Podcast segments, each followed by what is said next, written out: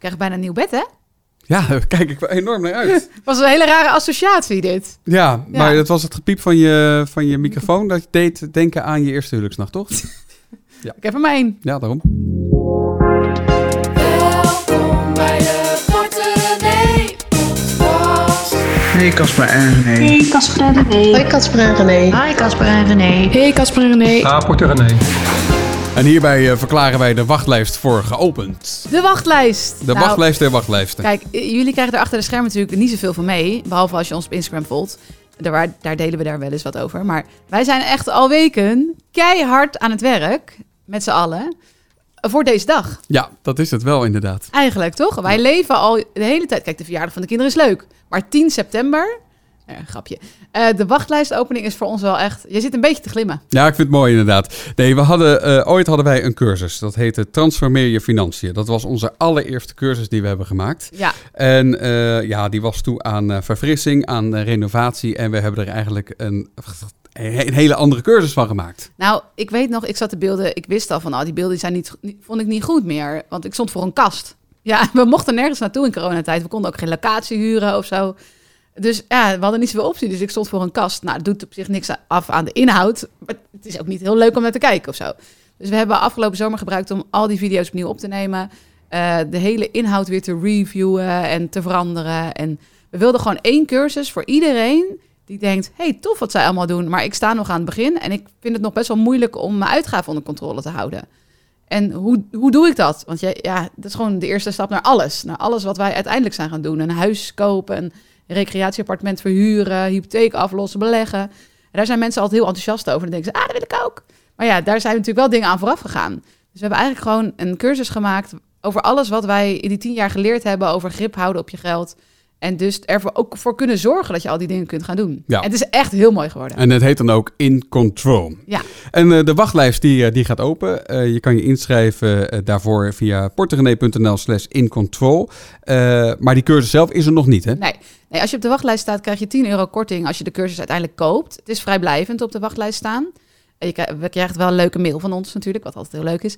Eh, en je krijgt dus 10 euro korting als je besluit mee te doen. En die wachtlijst loopt van 10 tot en met 20 september. En dan gaat hij ook dicht. En op 25 september wordt de cursus gelanceerd. Als je dan niet op de wachtlijst staat, dan betaal je 69 euro. En eh, als je via de wachtlijst inschrijft via de mail, betaal je 59. Dus als, als je een beetje denkt, ah, misschien is dit wel wat voor mij, zet je op de wachtlijst. Kan je altijd nog beslissen om het niet te doen.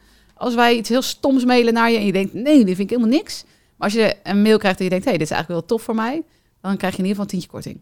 portegenee.nl slash incontrol. Ja, het, gaat, het draait allemaal om, om overzicht. Hè? Dat, dat hoor je ook vaak in, in de appjes die we krijgen van eh, eh, we, we- we zitten ergens mee.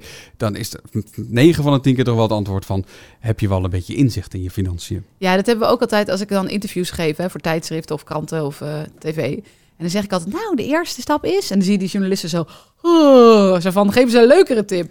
Weet je, je kan er gewoon niet omheen. En we proberen het echt zo leuk maken, te maken als het is, hoor. Vind jij het nu... Ik bedoel, kijk, als ik nu tegen iemand zeg... Oké, eh, we gaan overzicht maken, we gaan budget eh, creëren... we gaan geld eh, sturen naar waar je het wel graag wilt hebben... in plaats van dat je aan het eind van de maand elke keer denkt... Fuck, waar is het gebleven? Ehm, vind je dat dan... ja, ik, vind je dat dan leuk, zeg maar? Of denk je van... Ah, ik kan wel wat leuks bedenken. Eh, Met de kennis die je nu hebt, hè? Misschien dat je tien jaar geleden had gezegd van... nou, laat hem even voorbij gaan. Nee, nee, eh, juist hartstikke leuk. We hadden het in de vorige podcast al bijvoorbeeld over ons, eh, over ons eh, spaareisje die we, nu, die we nu fanatiek aan het invullen zijn. Ook dat geeft overzicht. En dan weet je precies waar je staat. Je hoeft alleen maar naar de koelkast te kijken, want daar hangt dat ding namelijk Ja. op.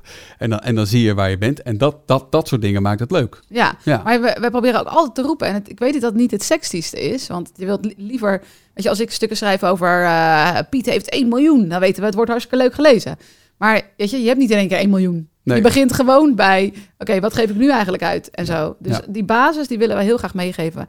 En ook voor al die mensen die zeggen... Ja, ik begin elke maand en dan... Weet je, ik heb zulke goede voornemens en dan lukt Aan het me einde toch van de niet. maand heb ik nog een stukje maand over. Ja, dan ben ik weer aan het terugboeken en nou ja, gedoe.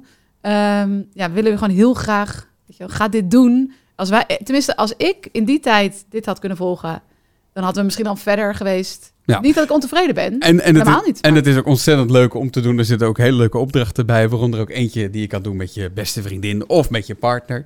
Ja. Eh, dat was je ook een broer of met je met zus je of broer met of je je zus. Ja, precies. moeder, vader. Ja, dus ook eh, het gevaar is wel van deze cursus dat je ook je omgeving hierin meeneemt. dat is Ja. waar. Ja, ja, goed. Eh, misschien kan Marianne die cursus wel eh, goed gebruiken. Ik weet het niet, maar ze heeft een appje gestuurd. Hoi, Casper en René. Mijn naam is Marianne en ik ben 26 jaar. Ehm, ik wil jullie vragen of jullie alsjeblieft met mij mee willen denken over een dilemma waar ik tegenaan loop. Ik heb namelijk een studieschuld van ongeveer 20.000 euro, omdat ik best wel vroeg het huis uit moest. Vorig jaar ben ik afgestudeerd en aan het werk gegaan, waardoor ik een klein beetje heb kunnen sparen. Maar ik mag binnenkort eindelijk uit mijn studio vertrekken naar een sociale huurwoning. Wat natuurlijk super leuk is. Maar daardoor moet ik helemaal opnieuw beginnen met sparen. Dat wordt toch best wel lastig, omdat mijn vaste lasten flink omhoog gaan door die nieuwe woning. Maar ik heb er wel vertrouwen in dat het moet lukken.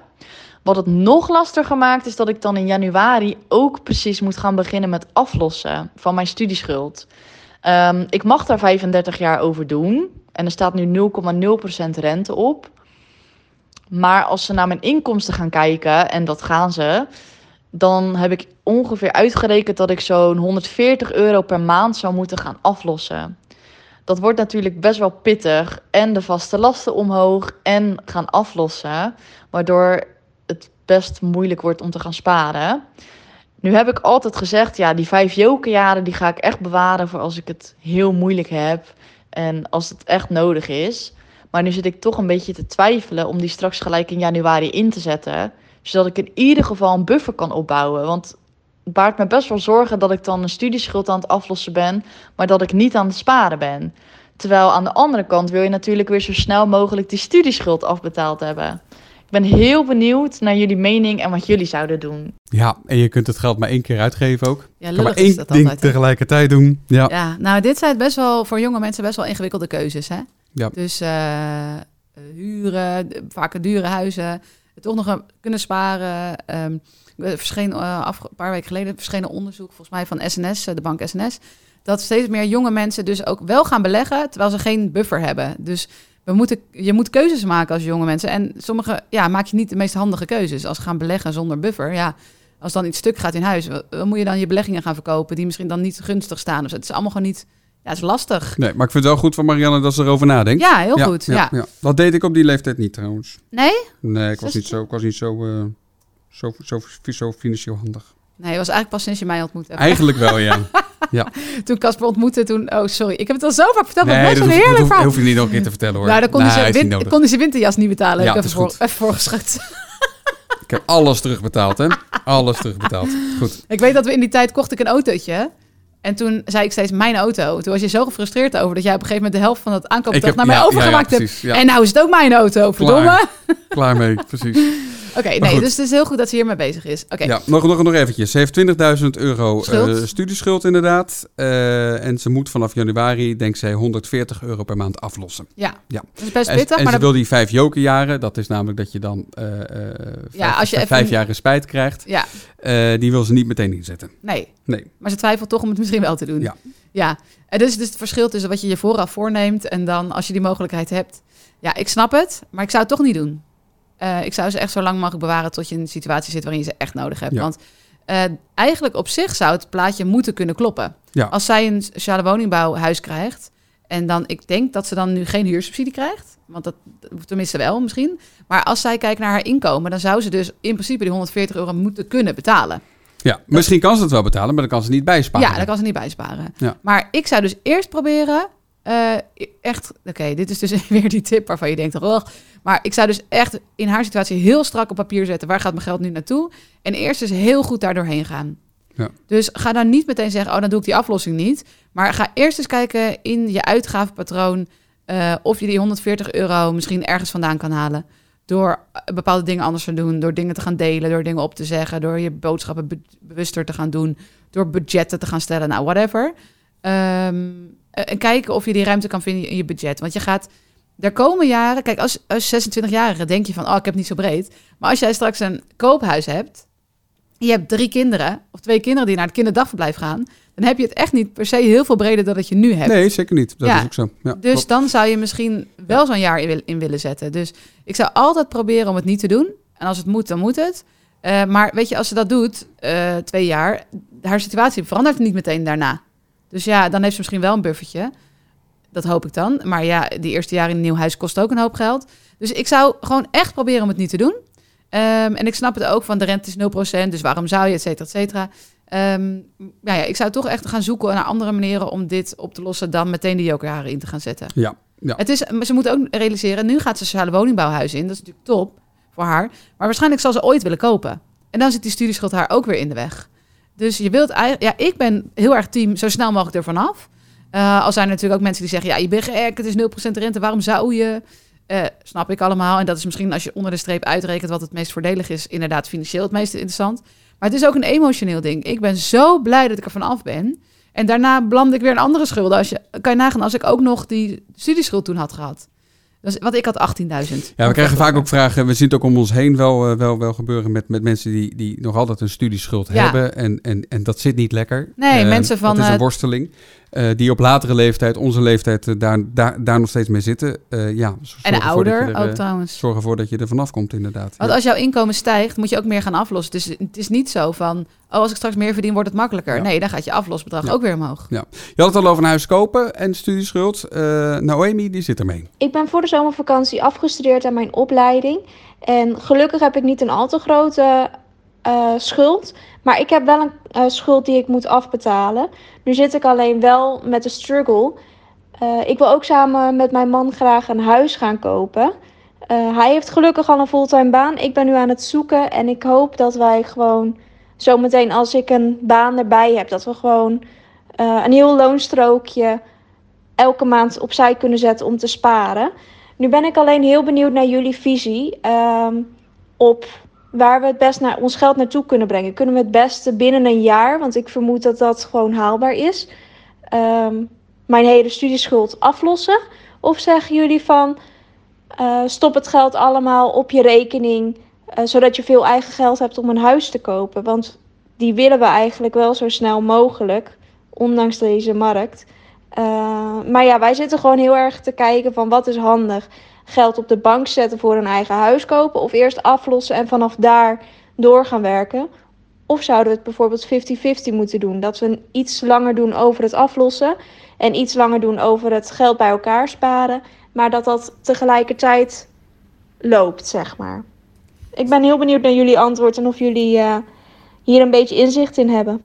Dat is wel het thema van deze podcast, hè? Ja, Keuzes. Keuzes, ja. En het principe dat je maar één ding tegelijk met je geld kan doen. Zo irritant. Ja, vervelend, hè? Ja. Dit is wel luxe, want uh, tussen de regels door hoorde ik haar zeggen... dan kunnen we één hele loonstrook wegzetten. Ja, netjes knap. hè? Heel, Heel goed knap. is dat. En, en ook uh, dat ze kan zeggen van ik kan mijn studieschuld dit jaar aflossen. Ja, heel knap. Ja. Nou, dat doen ze goed. Ja. Um, maar weet je wat ik altijd zo opmerkelijk vind hieraan? En ik begrijp het hoor, want ik ben ook van die leeftijd geweest, een paar jaar geleden. De focus op een huis kopen is, is nog nooit zo groot geweest Maar bij jonge mensen. Het is ook nu. nooit zo ingewikkeld geweest als nu ook. Om, nee, dat om snap ik wel. een, een, Nee, dat begrijp ik wel. Ja. Maar zo te horen zitten zij in een huis. En zo te horen zit, is, is dat financieel een hele fijne situatie. Want ze kunnen een hele loonstrook wegzetten. Dus waarom zou je kopen, wist jouw vraag? Ja, waarom zou je nu kopen? Nou ja, omdat je, dan wordt gezegd, nou als je koopt, dan, Dan? investeer je in stenen. Ja. En uh, nou ja. Ja, en dan waarschijnlijk over tien jaar is En- het wel en- iets minder waard dan nu. En als je huurt, dan gooi je het. kan je net zo goed het geld in de, in de plomp gooien. Ja, maar als zij nu, ik, ik veronderstel nu bedragen, als zij nu 600 euro betalen en Ja. straks 1200, ja. Ja. wie gooit er dan geld weg? Ja. Ja. ik weet niet hoor. Ik heb ooit een stuk geschreven voor de site over, ehm, over het, het soort van het, het huis kopen is in Nederland een soort van het grootste haalbare ding geworden. Weet je? Ook al krijg je er een dikke vette hypotheek boven erbij, ook al zijn de huurprijzen, of de, de woningprijzen nu Ja. krankzinnig. Ik zag het laatst ook iemand op Instagram die blij was dat ze een hypotheek had gekregen. Ja, en ik snap het wel. Ja, Maar eigenlijk, ja. Ja. En wij, ja, kijk, wij hebben natuurlijk meegemaakt dat de huizenprijzen ook dalen. Dat gaat gebeuren. Ik zeg het ook niet binnen nu een paar, paar jaar of zo. Maar weet je, het is echt niet zo. De tijden waarin je een huis kocht en je gewoon vanuit ging dat het eh, over twintig jaar twee keer zoveel waard was. Volgens, ja, naar mijn idee zijn die wel voorbij. ik heb dat Hoe ook- ver moeten we nog gaan? Ik heb dat ook nooit echt goed begrepen. Waarom eh, al, alles wat ouder wordt. Ik heb een computer op schoot bijvoorbeeld. Ja, Die heb ik gekocht. En zodra ik daarmee de winkel uitliep, is hij in waarde gedaald. ja, Hoe kan het met, met, met, met woningen dan andersom zijn? ja. Een, een oud, oud huis, dat is nu zoveel meer waard dan het ooit was. Ik snap er helemaal niks van. Maar het heeft allemaal te maken met woningnood. Ja, het heeft Ja. allemaal te vragen met Ja. vraag en aanbod. Als Ja. er maar 100 laptops waren, hè, dan Ja. was die van jou toch nog heel veel geld waard. Ja. Dus dat is eh, het gekke. Ja. Maar ik, kijk, ik begrijp het. Ik was ook 23 en ik wilde per se een koophuis. Nou, dat heeft me heel veel geld gekost. relaties kunnen uitgaan, banen kunnen verloren raken. Er kunnen allemaal dingen gebeuren waardoor je daar weg moet of wilt. Eh, dus hou daar alsjeblieft ook rekening mee. En denk daaraan, ver, ver- verheerlijk niet het hebben van een koophuis. Eh, we- ik weet nog dat wij ons huis hadden gekocht, jaren 30 woning. Het eerste jaar heb ik bijna alleen maar gehuild. Want er was alleen maar gedoe mee. En wat hebben we veel geld erin moeten stoppen uiteindelijk. Eh, wat je natuurlijk met een huurhuis niet hebt. Dus dat is even de eerste opmerking. Al begrijp ik het heus wel. Ehm, ja, wat zou jij nou eh, hierop zeggen, Casper? Ja, ik vind het ook lastig. Als je, als je bij de bank wil, wil aantonen dat je schuldenvrij bent, dan zou ik zeggen, nou misschien is het goed om, eh, om hem dan gewoon af te lossen. Als je het al kan, hè? Want, Ja. eh, want dat begrijp ik. Ze kunnen dit jaar kunnen ze al, kan er al een studieschuld weg zijn daar. Ja, maar wat ik dus zou doen in hun situatie is naar de hypotheekadviseur gaan en het laten doorrekenen. Dus stel Ja. dat ik laat mijn studieschuld zo staan, hoeveel minder kan ik dan lenen? En stel ik spaar, hoeveel verschil maakt dat? Of welke mogelijkheden hebben we dan? Je zal sowieso gespaard moeten hebben om überhaupt een huis te kunnen kopen. Want zonder eigen geld is het überhaupt geen optie. Dus dat is natuurlijk wel eh, even goed om te weten. Maar ik zou het laten doorrekenen. Oké, hoe ver moet ik gaan met het aflossen van mijn, van mijn studieschuld om zo min mogelijk last daarvan te hebben? Want als je hem bijna helemaal afgelost hebt, dan kunnen ze soms ook wel coulant daarin zijn. Dus ik zou hiermee naar een hypotheekadviseur gaan en vragen: joh, wat is voor ons in onze situatie, en hij kan dan alle gegevens en cijfers ook hebben, de meest slimme manier om dit te doen? Op welke, er zal een soort punt zijn waarop het meest interessant is hoeveel geld, eigen geld moet je hebben en hoeveel studieschuld kan ik eventueel laten staan. Ja. Dat zou ik doen als je dan toch op korte termijn een huis wil kopen. Goed, dus eh, maak een afspraak en eh, pak de fiets en eh, rij naar de hypotheekadviseur toe.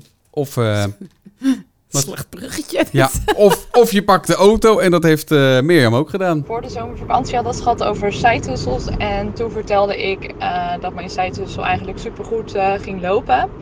En eh, jullie vroegen toen eh, wat ik precies deed en hoe dat een beetje is ontstaan. Dus ik dacht, ik vertel het nog eventjes.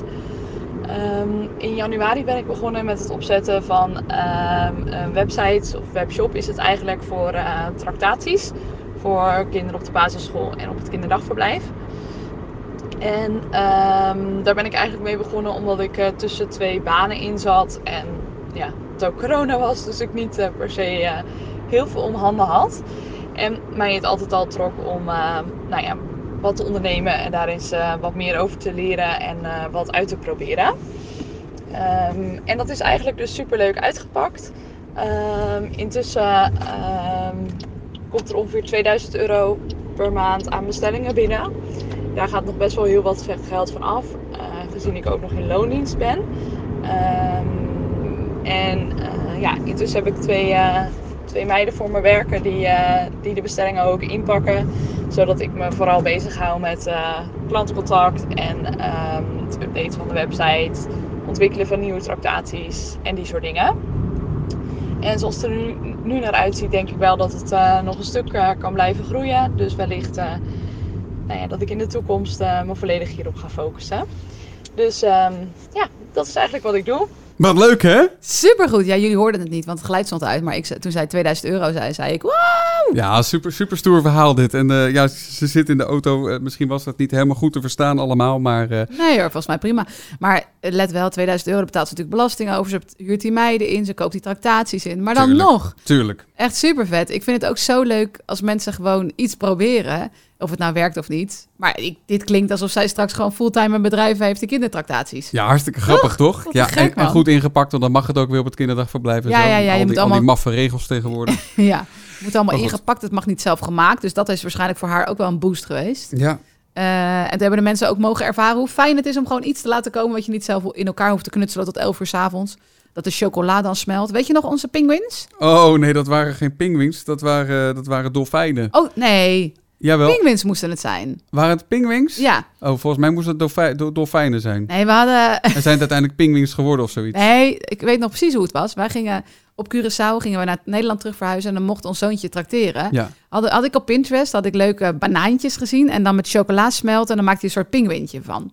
En wij aan de slag. Maar ja, niet aan gedacht dat het Curaçao natuurlijk 32 graden is. Tuurlijk, dat smelt. Dus het waren een soort van hele verdrietige bananen geworden met vlekken. En toen uiteindelijk hebben we heel snel, snel in de Pinterest, wat smelt niet? En toen, dit heeft volgens mij iedereen getrakteerd, het bekertje met het banaantje waarbij je het, het hoe noem je dat, het stukje van het banaantje wat zo hard is? Het, waar het aan dat stukje van het banaantje dat hard is. Het steeltje. Die snij je door midden en dan doe je zo'n druif in en dan teken je een oog erop, dan is het toch fijn. Ja, dat- ja precies. Dat was uiteindelijk wat Dat het was de-. Ja, precies. Ja, dat zeg ik. Ja. Wat een slechte tractatie. Ja, ja. Ik heb nog ergens in een fotoboek een foto van de gesmolten, de gesmolten pinguïn. Het is maar wat. Ach ja.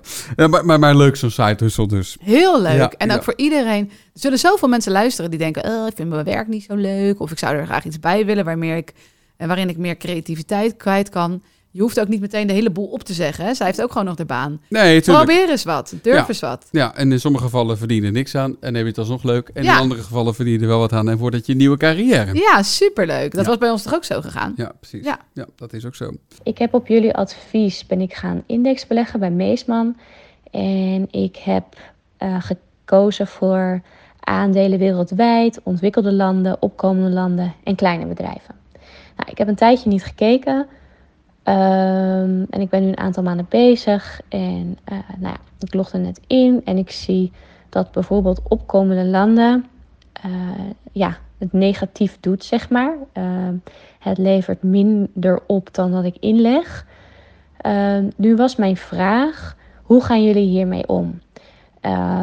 Mochten jullie een, ja, een negatieve tendens zien, eh, zetten jullie dan bijvoorbeeld meer in op degene die het wel heel goed doet?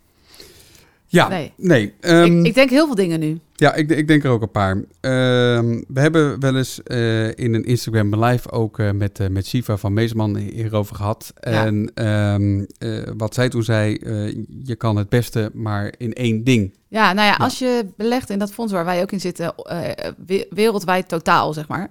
Dan hoef je niet ook nog allemaal losse andere fondsen erbij. Nee. Waarom zou je? Dus het idee van dat wereldwijd totale fonds is dat, dat je daarmee klaar bent. Ja. Daarbij ben je, ben je over de hele wereld, over de hele branche, over alle branches, of je, allerlei soorten ben je zo goed verspreid? Ja, dan dat heeft dan geen ja. zin om dan nog los in opkomende landen... Ja, tenzij je daar zelf een hele sterke motivatie voor hebt. Maar al die fondsen te gaan kiezen, daar zou ik per direct mee stoppen. Nee. Hebben wij ook gedaan in het begin. Ja. Begrepen we het ook niet zo goed. Ja, klopt. Of tenminste, toen dachten wij ook van, nou dat is slim. Maar dat, dat is slim, dus maar dat niet is heel slim. Nee. Dus ik zou zeggen, als ze dan gewoon wereldwijd sp- gespreid passief wil beleggen, hup, gewoon. En ze kiest voor aandelen, gewoon in dat wereldwijd totaal. Ja, maar zeg je maar nou dat is onze mening, hè? Ja, precies. Geen advies. Ja. Maar, maar stel je voor, ze zou dat doen. dus, moet ze dan dat wat ze al heeft staan gewoon laten staan? Ja, dat is haar keuze. Wij hebben op een gegeven moment gewoon hup alles verkocht en in één keer overgegaan naar die, dat totale ja, fonds. maar dat- daarbij moet wel gezegd worden, wij hadden geen verlies. Nee, Nee. maar, ehm, maar wat, ik, wat mij nog meer opvalt in dit bericht, ze is een paar maanden bezig, zegt ze. Beleggen doe je niet voor een jaar, voor twee jaar, voor drie jaar. Dat doe je voor, nou, in ons geval twintig jaar. Eh, over de, uit onderzoek blijkt, als je, als je belegt op deze wijze, hè, dus indexfondsen, als je daar meer over wil weten, zoek op de site op indexfondsen. Kun je er van alles over lezen. Ehm, dat doe je, als je dat doet voor 20 jaar, een periode van 20 jaar, is de kans dat je geen winst maakt eigenlijk zo goed als nul. Ja. Hè? Eh, omdat je de lange termijn neemt. Dus inderdaad, soms zul je dipjes hebben en upjes hebben. Maar dat je over 20 jaar gespreid geen rendement maakt, ja, je mag niet zeggen dat het niet kan. Maar de kans is wel eigenlijk, ja, ik mag ook geen vergelijking maken, heel klein. Nee, snap Eh, ik, snap ik. Maar, Maar, zij, het- eh, zij gaat dus nu beginnen en dan gaat ze steeds kijken. Nee, nee, nee, ze zei van ik heb een tijdje niet gekeken. Nu Oké. kijk ik een keertje. Dus dat vond ik heel goed van haar. Ja, oh, dat is dan al heel Ja, goed. ja, dus ik ga daar niet steeds kijken. Wij kijken één keer per jaar of zo. Nou ja, wat, wat moet je er verder mee? Dus het idee is ook dat je niet elke keer als er iets minder goed gaat of beter gaat, van tactiek gaat veranderen. Het heet passief beleggen. Dus je kiest voor een tactiek of strategie en je legt gewoon in elke maand. En dat doe je voor de lange termijn, 10, 20 jaar. Ehm, en dan eh, zul je rendement gemaakt hebben. Tenminste, het mag niet zo stellig zeggen, maar die kans is erg groot. Eh, wat ik haar, als, ja, nou ja, zij moet zelf beslissen wat ze gaat doen. Maar wij hebben op een gegeven moment gekozen om gewoon voor dat wereldwijd totaalfonds te gaan. Er zitten meer dan 6000 aandelen in. Eh, je bent in één keer heel erg gespreid. Je laat het elke maand van je rekening afschrijven en je kijkt er zo min mogelijk naar om. En je laat je niet gek maken door een lijntje omhoog en omlaag. Nee, nee, dat is ook zo. Ja, als Eh. snap ik het. Kijk, ik snap dat ze eh, denkt van... hé, hey, wacht, ik leg geld en ik ben misschien wel iets kwijtgeraakt nu. Ja, eh, dat kan. Da- Ja. als, je dat, als je dat risico niet wilt lopen, moet je gaan sparen. Dan weet je zeker dat je het kwijtraakt. Want dan is er 2% inflatie Nou, en geld wordt minder waard. kijk. maar het bedrag blijft hetzelfde. Een, een, een, een voorbeeld is, is, is natuurlijk die, eh die, die, die running gag in deze podcast, namelijk mijn KLM-aandelen. het, is niet, het is niet zo dat ik iedere keer zit te kijken naar die aandelen hoor. Nee. Ik doe het voor de podcast, Podcast, omdat, ja. het, omdat het zo ontzettend grappig is en ik lach erom. Ja, en je denkt Eh, over tien jaar zien we wel weer. Daarom, Ja. maar eh, toen we de zomerstop hadden, hadden, ik heb geen enkel keer gekeken. Dus Nee. zo, zo is het ook wel weer. Nee, ja. Dus ik zou een paar dingen tegen haar zeggen van let it go. Eh, ik denk, de- ja, je kan altijd overwegen, is dit toch mijn manier? Word ik er niet onrustig van? Dat kan natuurlijk een reden zijn om te stoppen. Dat kan altijd. Ehm, maar wij zeggen gewoon, van, ja, dit is voor de lange termijn. Hoef je niet elke keer naar te gaan kijken. Als jij een goed fonds kiest, je maakt niet onnodig veel kosten met aankopen en zo. Je legt elke maand in. Laat je dan niet verleiden om weer te denken, oh, dit fonds doet het deze maand goed, dan ga ik het daarin stoppen. Nee, je belegt passief. Dat is het idee van bij Meesman beleggen, niet actief. Dus actief is dus nu denken, oh, deze doet het niet zo goed. Ik ga dan voor die. Maar dan mis je misschien net weer de up op het andere fonds, als die weer omhoog gaat. Dus weet je, rustig blijven en, en laat je emoties een beetje buiten schot. En als je dat moeilijk vindt, gewoon, niet, gewoon ook niet beleggen. Hè. Mag ook gewoon. Als je, als je denkt van, ik, ik slaap hier gewoon slecht van, dan moet je het gewoon lekker niet doen. We hadden het over Na- Naomi, zo heet zij. Noemi. No, Noemi, eh, die nog in een huurhuis zit, maar later wil kopen. En wij hadden het erover van, wordt het niet tijd om... eh, of, of is het dan niet beter om gewoon in je huurhuis te Lekker blijven? te blijven zitten, Lekker ja. te blijven zitten. Eh, komende week hebben we op porterenee.nl onze Marit, die sinds een kleine twee weken bij ons in de loondienst is. Ehm, en daar heeft ze wat geschreven, namelijk... Zij vond een huur, huurhuis binnen één week en ze geeft tips. Marit, Ja, ja, daar ben je, gelukkig. Ze is er ook. Ze is er We ook. hebben de gast. nee, maar heel even kort dan samengevat. Marit, het verhaal kwam bij ons, wer- ze kwam bij ons werken, waar we natuurlijk heel blij mee zijn. Ja, en ze woonde in Utrecht. Ja, dat was een beetje ver. Ja, dat was Ja. een beetje gedoe. Ja, dus daar moet iets in de buurt vinden. Ik zeg tegen Marit, nou, wordt wel lastig hoor. Hallo, het is nogal een uitdaging in deze tijd. Weet je hoe lang het geduurd heeft? Eén week. Ja. En toen had ze hem. Hoe heb je dat voor elkaar gekregen? Nou ja, één week. Het zoeken duurde iets langer. Ook nog getwijfeld over een, camping, een camperplek ja. en eh, of een, gewoon een studentenkamer in Leiden. Maar eh, de eerste bezichtiging, ja, die had ik meteen, ja. Maar Jeetje. het was wel een beetje teamwork, want eh, René vond het op Funda. Toen stuurde ze naar mij. Toen belde mijn moeder voor een bezichtiging, want ik was aan het werk. en ja, dezelfde week konden we nog kijken. En toen, de week daarna werd ik gebeld met, eh, nou, gefeliciteerd met je woning. Ja. Maar Ja, wel, ze, ze zegt, doet het nu net alsof ze zelf niks heeft gedaan. Maar Ja. ze heeft volgens mij de makelaar bestookt met informatie en Ja, dat wel. Testimonials en bewijzen van goed gedrag, et cetera. Ja, dat is het. Maar dat heeft, je- het, het heeft wel geholpen, want hoeveel, hoeveel kandidaten waren er? 500. Mooi, hè? Geweldig. Maar vertel nog heel even dan, want het stelt natuurlijk op de site uitgebreid, maar even kort wat jij dan zelf nog gedaan hebt om de makelaar zo ver, ver te krijgen dat hij zei tegen de verhuurder, ik zou Marit doen. Ja, ik had een eh, mailtje gekregen met de, stukken die zij wilde zien. Ehm, eh, daar stonden ook dingen bij waarvan ik dacht, oh shit, dat kan ik niet aanleveren. Dus toen dacht ik, ja, wat kan ik dan wel geven om ze een, ja, een zicht te laten geven, zeg maar, van, eh, nou, ze verdient genoeg. Ja, Dus- opdat je het financieel zo goed op orde Ja, hebt. Ja. Ja, precies. Dus eh, ja, ik had bij de bezichtiging al een motivatiebrief geschreven over waarom ik daar wilde wonen en eh, dat ik werkte in de buurt. En, Vind ik al vrij briljant. Dat je gewoon bij de eerste bezichtiging al komt. Bam, hier. Dit is waarom Ja. ik hier wil wonen. Vind ik al briljant. Vind je toch? Ja. Ja, dus die gaf ik zeg maar aan het einde van de bezichtiging. Toen ik wist dat, dat ik nog steeds enthousiast was over de woning. En eh, ja, René en Casper hebben voor mij een eh, werkgeversverklaring en eh, soort intentieverklaring-achtig iets eh, geschreven. Dus dat hielp ook heel erg mee.